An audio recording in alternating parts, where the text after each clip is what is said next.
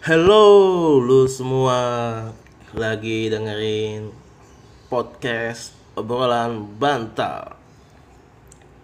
Oke, em, gimana kabarnya lu semua? Eh, mungkin ini udah podcast yang episode keberapa ya? Ya gua nggak tahu lah. Ya kan eh, cuman iseng-iseng doang. Ini. Ya penontonnya gua nggak banyak eh, bukan penonton sih ya, pendengar juga nggak banyak jadi ya bodoh amat lah ya. Mau isinya jelas atau nggak jelas ya kan kadang gue juga bingung gitu mau bikin topik apa. Secara teman-teman gue juga nggak banyak.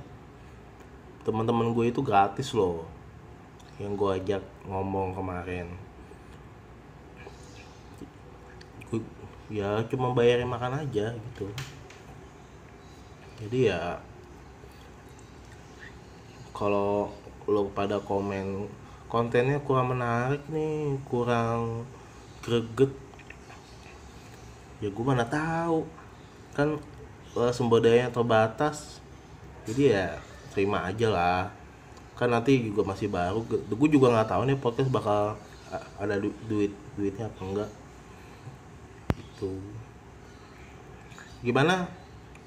Em, pilihan presiden lo yang sudah terpilih cie gitu. Ya kan? Sama aja kan hidup lo kan sama yang dulu sama yang sekarang. Nggak ada perubahan kan? Jadi ya udahlah ngapain sih lo pada sibuk-sibuk update status di medsos gitu kan? Pilihan presiden gue apa di di di Facebook tuh aduh. Facebook di WhatsApp itu baik orang kantor gue keluarga gue teman-teman gue. Aduh. Pada tiba-tiba yang nggak ngerti politik jadi ikut-ikutan politik gitu. Maksud gue ya, ya udahlah kan. Gaji lu nggak berubah ini gaji lu masih segitu-gitu aja bro. Ya kan? Eh nggak usah lah lu sosok ikut politik. Kerja lu masih gitu-gitu aja gitu hari Senin tetap hari Senin yang nyebelin ya kan? Hari Jumat tetap hari Jumat yang fun karena besoknya kita libur. Bos lu yang suka ngoceh-ngoceh pakai bahasa Cina ya kan? Pakai bahasa Hokkien. Masih sama gitu ya kan? Ya gitulah. Ya ya bos gue kemarin gitu. Bos gue selalu pakai kalau ngoceh selalu pakai bahasa Hokkien. Jadi gue gue bukan orang Hok- Hokkien ya gue nggak ngerti dia ngomong apa gitu. Jadi ya gue nggak pernah tersinggung sama omongan bos gue gitu. Jadi ya that's why kenapa gue selalu so asik di depan bos gue karena ya gue nggak pernah ngerti apa yang diomongin gitu. Hmm. Dem dem dem bahas apa ya? Gue nggak tahu nih. Oh ya by the way ini pertama kali gue monolog ya kan? Ya gue nggak tahu sih. Eh, gimana? Bakal jadi apa ini? Ya kan? Aduh. Tapi nyoba lah habis gimana ya? Kalau gue terus-terusan pakai orang gitu ngajak teman-teman gue untuk ikut podcast gue juga ngerasa apa? Ngerasa takut nyusahin aja gitu. Udah gue nggak bayar ya kan? Cuma bayar makan doang. Bayar makan juga lumayan loh. Kadang tuh mereka meminta tempat makannya yang yang mahal yang ya bukan mahal sih ya lumayan lah. Seratus ribuan ke atas ya lumayan ya kan? Ya, ketahuan dah ya gaji gue berapa. Untuk harga seratus ribuan aja lo mahal lo gaji berapa sih gaji pasti UMP ya? Bodoh amat. Ya kan? Ya gitu. Hmm, bahas apa ya? Gue lagi buka det- buka berita nih. By the way gue jangan baca berita orangnya jadi gue nggak tahu lagi update apa hari ini. Ya lu lah kasih masukan ke gue lalu email kayak ke gue susah banget sih email ya walaupun 10 pendengar ya lumayan lah 10 orang email gue kan gue jadi bisa bahas apa gitu kan. Lu mau denger aja kasih gue saran kayak apa ya kan? Apa nih? Gue coba gue liat di berita online. Ada apa ini berita online hari ini aduh susah sekali ada sini Em,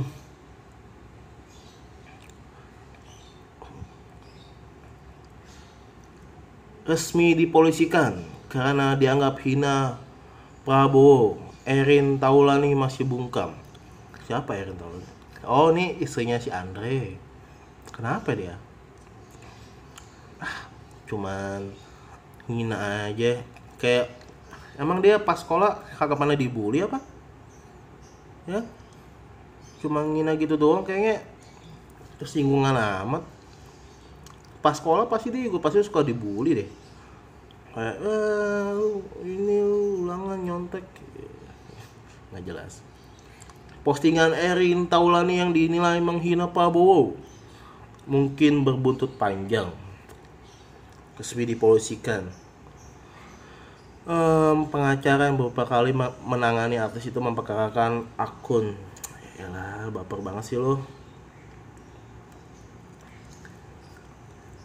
Lu gimana mau jadi presiden? Kalau gini aja dibu dibully aja lu udah udah apa? Udah baper.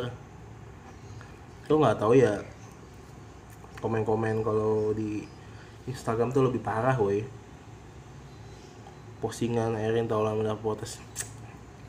Nih gue bilang gue bilang ya. Mungkin ini yang ngelapor ini bukan si Prabowo.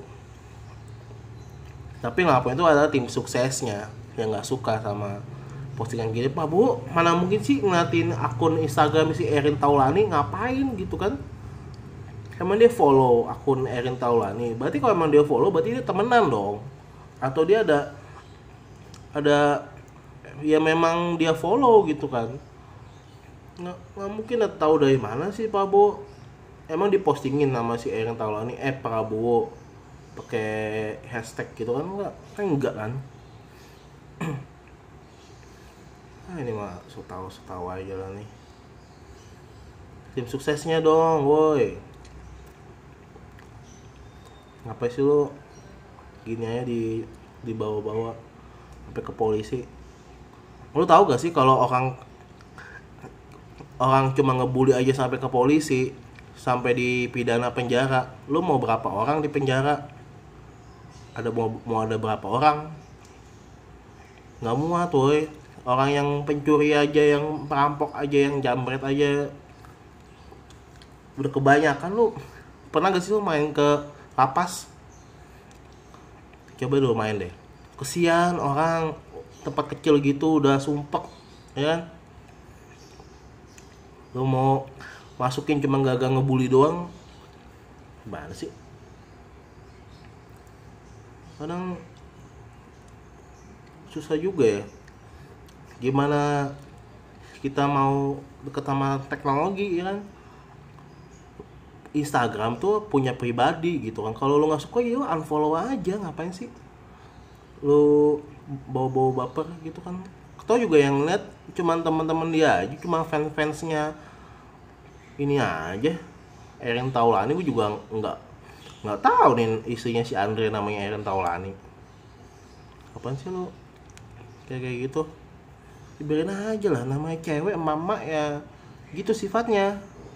Ya kan berarti mungkin si Erin Taulani termasuk orang yang aktif dalam grup keluarga. Sih gitu dikit-dikit disebar dikit sebar Iya, gue juga ada atasan di kantor tuh gitu tuh. Tiap pagi bukannya nggak nyebarin apa info kerjaan gitu kan ke gue ada report apa gitu kan. Ini malah itu tim sukses si ini akan akan mengadakan sebuah pertemuan dengan anggotanya. Harap hati-hati melewati jalan tersebut. Kayak apaan sih? Penting banget gitu kan. Tiap pagi ada aja gitu. Ke, kemarin gue sempat ketipu gitu kan. Di jadi gue belanja online emang fuck banget sih tuh. Jadi belanja online terus kayak gitulah ketipu ketipunya karena apa ya kemarin ya? Jadi gue tuh eh, beli handphone. Iya bego banget sih gue. By the way gue tuh jarang banget eh apa namanya belanja online. Ya belanja online tapi sekedar belanja yang barang-barang murah. Yang cuma satu ribu dua ribu ya gitu ya kan. Eh, jadi ya gue nggak pernah kemarin gue beli handphone dah tuh. Karena gue pikir yang apa di online itu lebih murah. Loh, tapi emang murah sih karena apa kalau dibeli di toko kayak di Roxy atau di mall gitu bahkan di konter resminya juga lumayan. Harganya sekitar 5 jutaan gitu kan. Nah gue beli online tuh cuman harga dapat pas setengah juta. Lumayan kan 500 ribu buat buat apa gitu kan gue cobalah beli online. Karena gue pikir fine fine aja kan. Eh nggak tahu anjir. Tipu gue. Jadi tuh modus itu dia pas gue udah ini gue gue sudah bayar. Malah gue pakai cecil ya kan. Pakai kredit card. Jadi gue udah bayar. Terus gue liat kok harusnya tuh berapa jam sesudah tuh sudah diproses gitu. Cuma maksudnya ya udahlah gue pikir ya mungkin dia lagi rame atau ini belum ngupdate status di transaksinya kan. Besok paginya. Eh besok paginya kan gue Sabtu gitu kan. Gue beli hari Jumat besok pagi hari Sabtu. Gue tuh pagi-pagi gue lagi di bengkel lagi servis kendaraan gue. Terus dia telepon lah tuh nah awalnya gue nggak tahu kalau dia itu telepon. Karena kan nomornya nomor nomor nggak dikenal kan. Ya gitulah. Telepon halo dengan bapak Gibson Eh, iya ini dari mana ya? Ya kami dari toko ini. Itu apa gue lupa nama tokonya. Tokonya ya gitulah. Bukan nama nama tokonya gitu. Terus ini pembelian anda handphone merek sekian sudah kami terima. Tetapi dia bilang itu belum bisa nginput karena gue belum masukin kode promo. Terus gue bilang lah itu pas setengah juta bukannya udah promo? Belum tapi harus dimasukin kode promo lagi. Nah pasang gue liat di deskripsi kemarin nggak ada ya kan kode promonya. Terus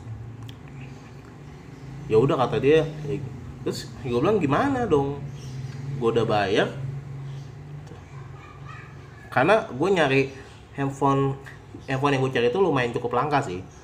Eh, bu- eh, dari warnanya itu cukup langka maksudnya gue gue mau warna ini gitu. Cuma nggak ada kebanyakan warna yang lain gitu. Yang gue nemu ada gitu. Cuman ya gitulah. Kalau gue cancel lagi otomatis gue harus cari lagi dong. Kayak aduh malas banget sih gue nyari nyari di tempat lain lagi. Terus dan gue emang gue pokoknya gue ngebet banget gitu kan anjir.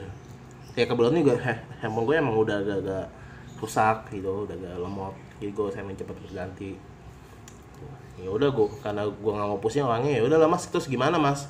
Mau mau gimana? Mau di cancel apa gimana?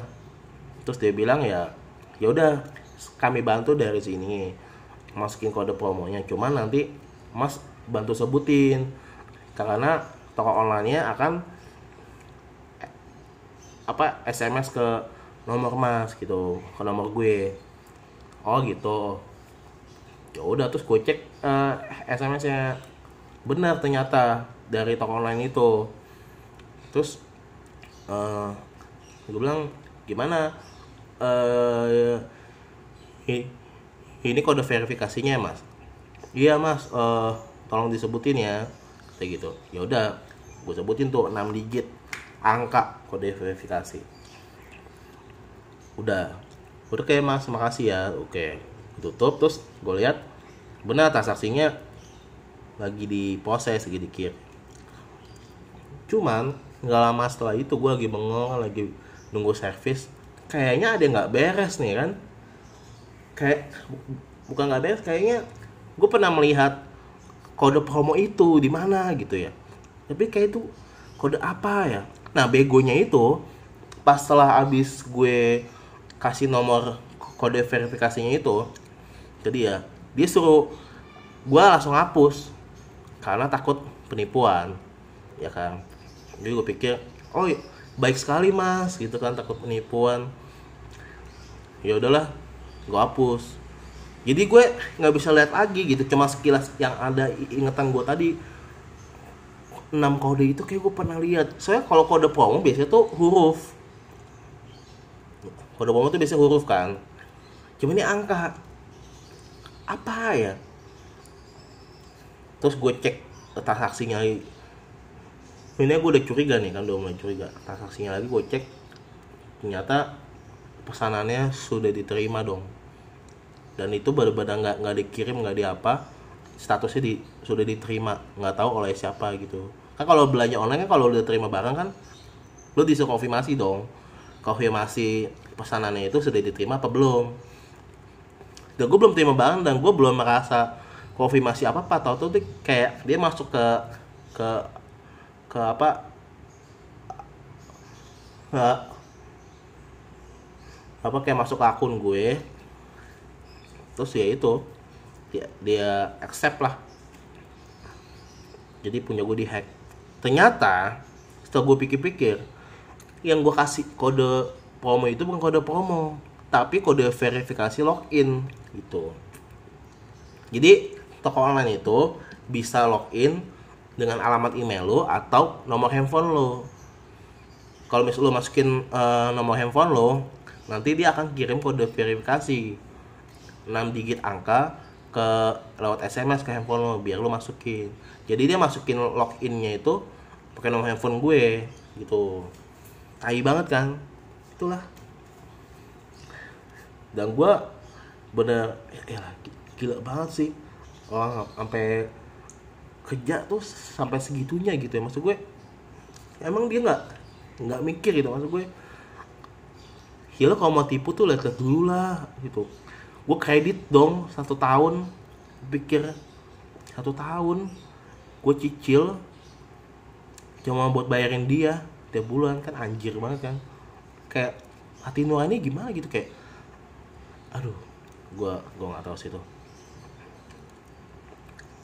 Orang mah kalau mau nipu tuh yang nggak kayak bayarnya cash. Mungkin kalau bayar cash kan mungkin dia punya duit. Tapi nggak juga loh. Yang cash juga mungkin dia punya tabungan kan dia nabung karena dia bukan orang yang tipe suka ngutang kayak gue. Dia nabung bulan demi bulan ya kan? Kita nggak tahu hidupnya kayak apa. Lu tipu bangsat. Ya kan? Tapi ya udahlah. Pelajaran sih buat lo semua tuh kalau beli online lebih hati-hati ya kan? Lihat bintangnya sih karena gue kemarin ngeliat bintang dan gue juga masa ya gimana emang lo lo mau nipu gimana? Karena kan dia butuh konfirmasi dari gue kan. Kayak nggak mungkin nipu lah kalau misalnya ini mungkin gue bisa nipu ya kan? Jadi barang sudah gue terima gue nggak konfirmasi ya udah duit bisa dibalikin gitu. Cuman gitulah. Hati-hati lah lo semua gitu. Terus kenapa jadi bahas ini ya? Aduh. Ya gitu masuk gue um, ya teknologi itu emang kadang bikin kita ini juga ya. Kalau yang kita nggak ngerti makainya ya bisa bahaya juga gitu ya. Kayak gini gini lah. Cuma posting di Instagram pribadinya gitu kan. Bukan di YouTube kalau di YouTube mungkin semua bisa ini. Kalau Instagram pribadi kan ya udah Instagram pribadi. Apalagi kalau Instagram lo di private ya cuma teman-teman lo doang.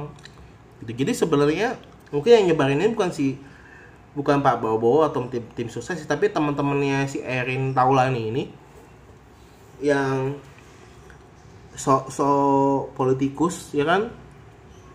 Nyebarin lah nih videonya si eh postingannya si Erin Taulani sehingga dia ditangkap ini kan. Aduh emang parah banget ya. Hmm apalagi ya wow baru 20 menit. Nggak berasa juga tapi lumayan juga. Gue nggak tahu sih ini sampai bakal sampai satu jam apa 30 menit. Nyampe susah woi. Emang sih gue di sana ini buat ketik apa kata apa kata gitu. Cuma gue malas banget ketik ya kan? Udah gue nggak ada waktu juga kan gue masih kerja. Pulang kerja gue ya gue me time lah kalau buat gini doang walaupun seminggu sekali kan lumayan juga. Tuh kan gara-gara dihina gara-gara di, dianggap hina Prabowo ya kan Taulani jadi trending anjir. Apa karena si Eren Taulaninya aja nih yang mau yang mau masuk? Tapi nggak mungkin juga ya. Kalau si Andre udah terkenal banget ngapain dia ikut terkenal? Mah dia kurang duit apa? Hmm ju, ah nggak ada berita ini nih. Kita lihat lagi berita yang lain. Coba kita lihat gosip. Ada apa sih di tengah berita gosip? Sosok anak gosip gitu kan. Memaksakan gue nggak pernah ini gosip tapi gue sosokan ngerti gosip. Artika Sari Devi. Siapa nih oh dia kayak pemain film perjanjian dengan iblis. Dia mendidik dua anaknya agar jadi perempuan. Agar jadi perempuan yang punya sikap. Wah. Emang anaknya perempuan semua apa cowok nih? Harus dijelasin dong nih sama ini apa sih? Detik.com gue kasih tahu dulu dong anak si Devi ini cowok apa cewek kalau cowok masa dua anaknya cowok cowok dididik jadi perempuan masih jelasin itu kan gue nggak tahu nih anaknya cewek apa cowok Oh, dijelasin. Mempunyai dua anak perempuan. Oh, oke, okay. kamu benar. Detik, kamu benar. Oke, dua anak perempuan sedari dini Artika Sari Devi sudah mempersiapkan cara didiknya sendiri. Waduh. Sedari dini Artika mengajarkan dua anaknya untuk bisa mencintai dan menghargai diri sendiri. Ya, iyalah, gimana sih? mencintai dan menghargai diri sendiri itu nggak nggak harus diajarin orang juga semua udah udah ngerti gitu kan cara mencintai sama menghargai diri sendiri mana ada orang yang hidup disia-siain kayak aduh gue hidup bangun tidur gue abis ini mau jalan-jalan di kereta biar gue ditabrak nggak ada. Semua mencintai dirinya sendiri bahkan egois. Saking bahkan saking mencintainya dia tuh bisa jadi egois. Itu jadi hati-hati Artika Sari Devi dalam mengajarkan anak jangan terlalu mencintai diri sendiri cintai juga orang lain. Kalau misalnya dia mencintai diri sendiri terus kapan kawinnya? Dia pas sudah besar dia akan mencintai diri sendiri dia akan menikahi diri sendiri. Waduh. Sungguh. Wow, itu kan. Ayolah. Itu mengusir perlu diajarin. Yang perlu diajarin adalah mencintai orang tuanya dan mencintai orang lain seperti dirinya sendiri. Gitu. Jadi jangan dong. Jangan tahu mencintai diri sendiri. Bahaya menurut istri dan untuk menurut istri dari Ibrahim Imran alias Baim siapa Baim itu siapa ya yang penyanyi itu kali ya Mencintai dan menghargai diri sendiri sebagai perempuan adalah sebagian kecil untuk mengajarkan bagaimana perjuangan Kartini. Menurut istri, oh, maksudnya menurut istri, ya ilah. Lu tinggal bilang aja menurut Artika Sari Devi kenapa harus diputer-puter sih menurut istri dari Ibrahim Imran alias Baim itu. Kan gue jadi mikir lagi istrinya Baim ini siapa? Emang dibilang Artika Sari Devi? Enggak kan? Siapa tahu dia punya istri yang lain waduh. Bilang aja menurut Atika Sari Devi. Istri Baim istri Baim. Gue mesti lihat lagi dong gue mesti lihat gue mesti buka Instagramnya Baim dulu dong. Siapa kak istrinya? Kan gue nggak tahu kan mencintai dan menghargai diri sendiri sebagai perempuan sebayang kecil bagaimana perjuangan Kartini di masa lalu memajukan martabat perempuan. Ya. Tapi lo tahu gak sih Kartini itu kan bukan bukannya soal mencintai dan menghargai diri sendiri. Dia tuh begitu karena dijodohin aja gitu. Ya gitulah tidak jelas sekali anda. Oh ya anak saya dua-duanya perempuan. Belum balik. Belum balik. Belum balik GH B A L I G H balik.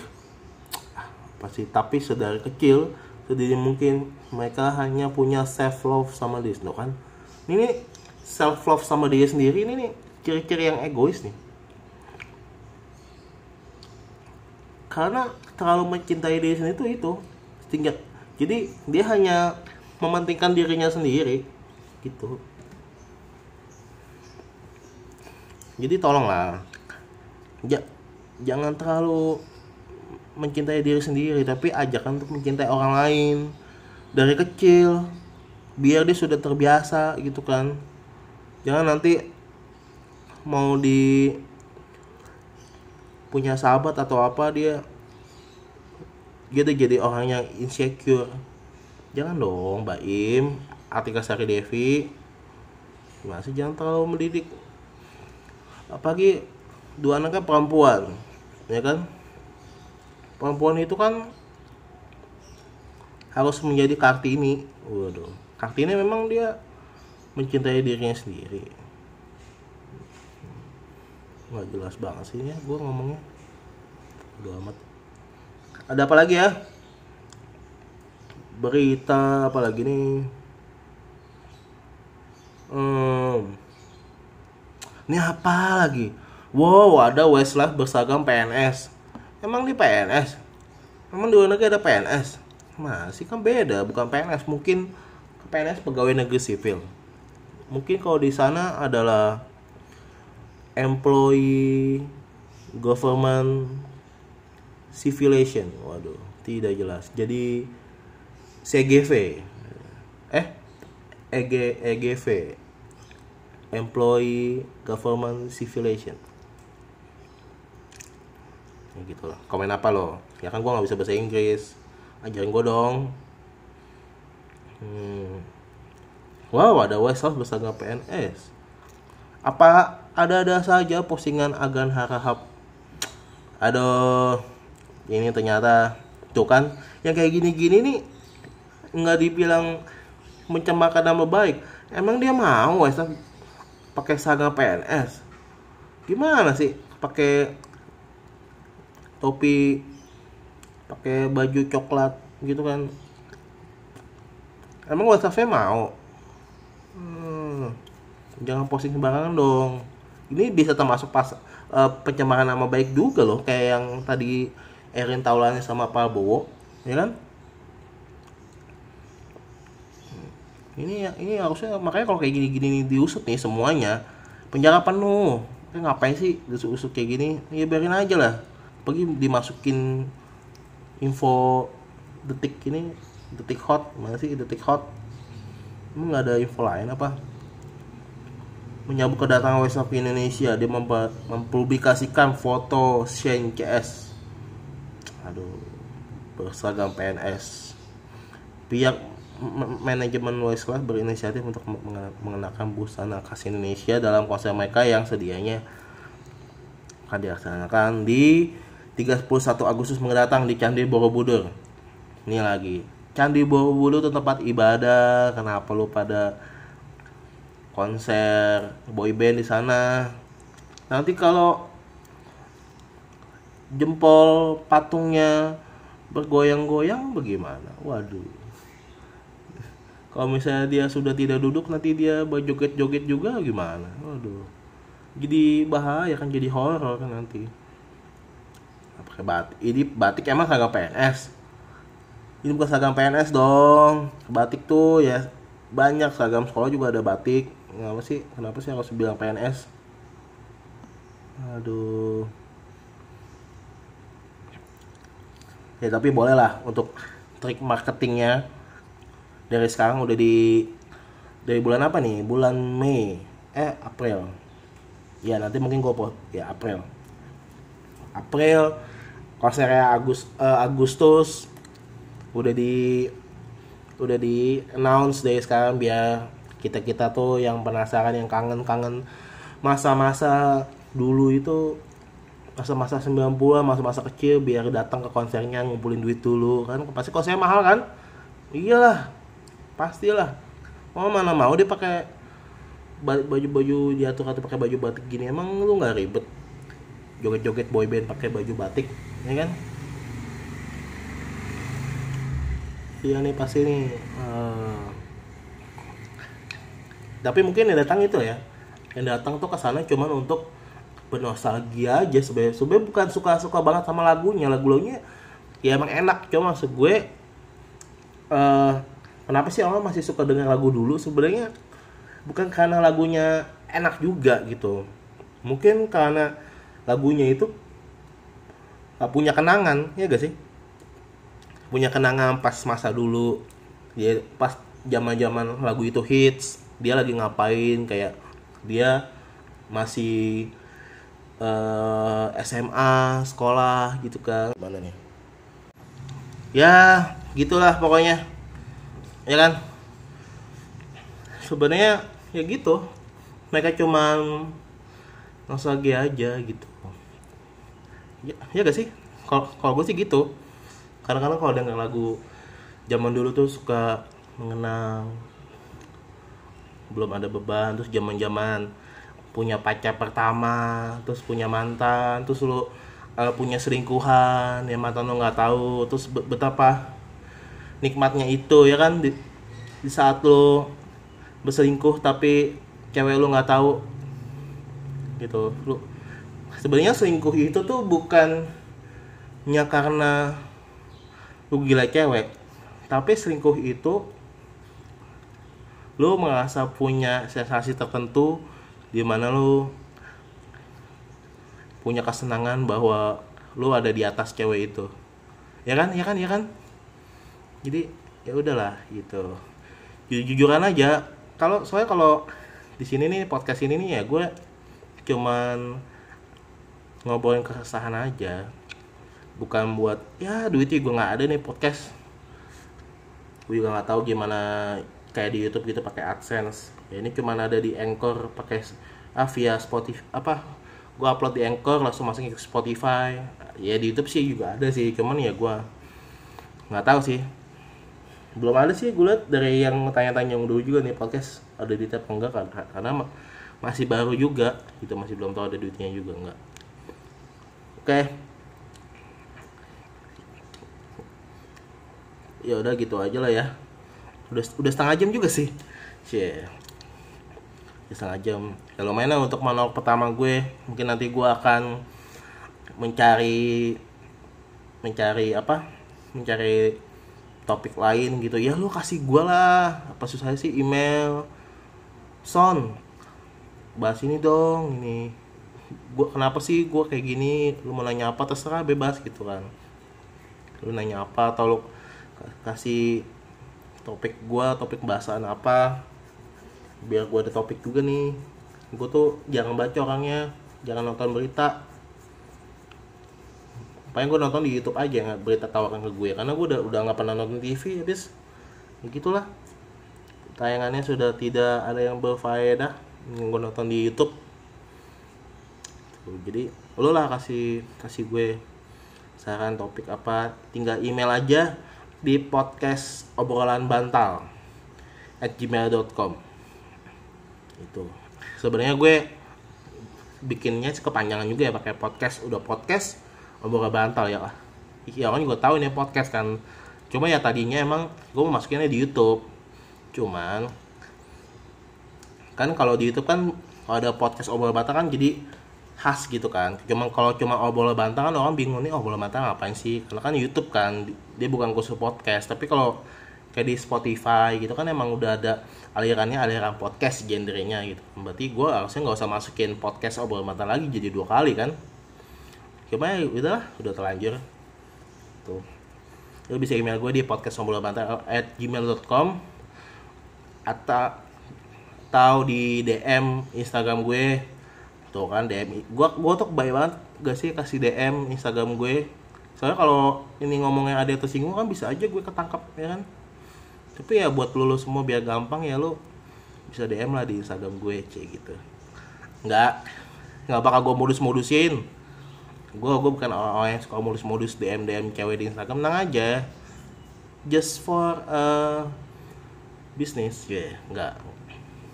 Ya pokoknya terserah lo lah mau di email at podcastobrolamata.gmail.com atau di Instagram gue boleh at Gibson Marshall G I B S O N M A R S H A L L.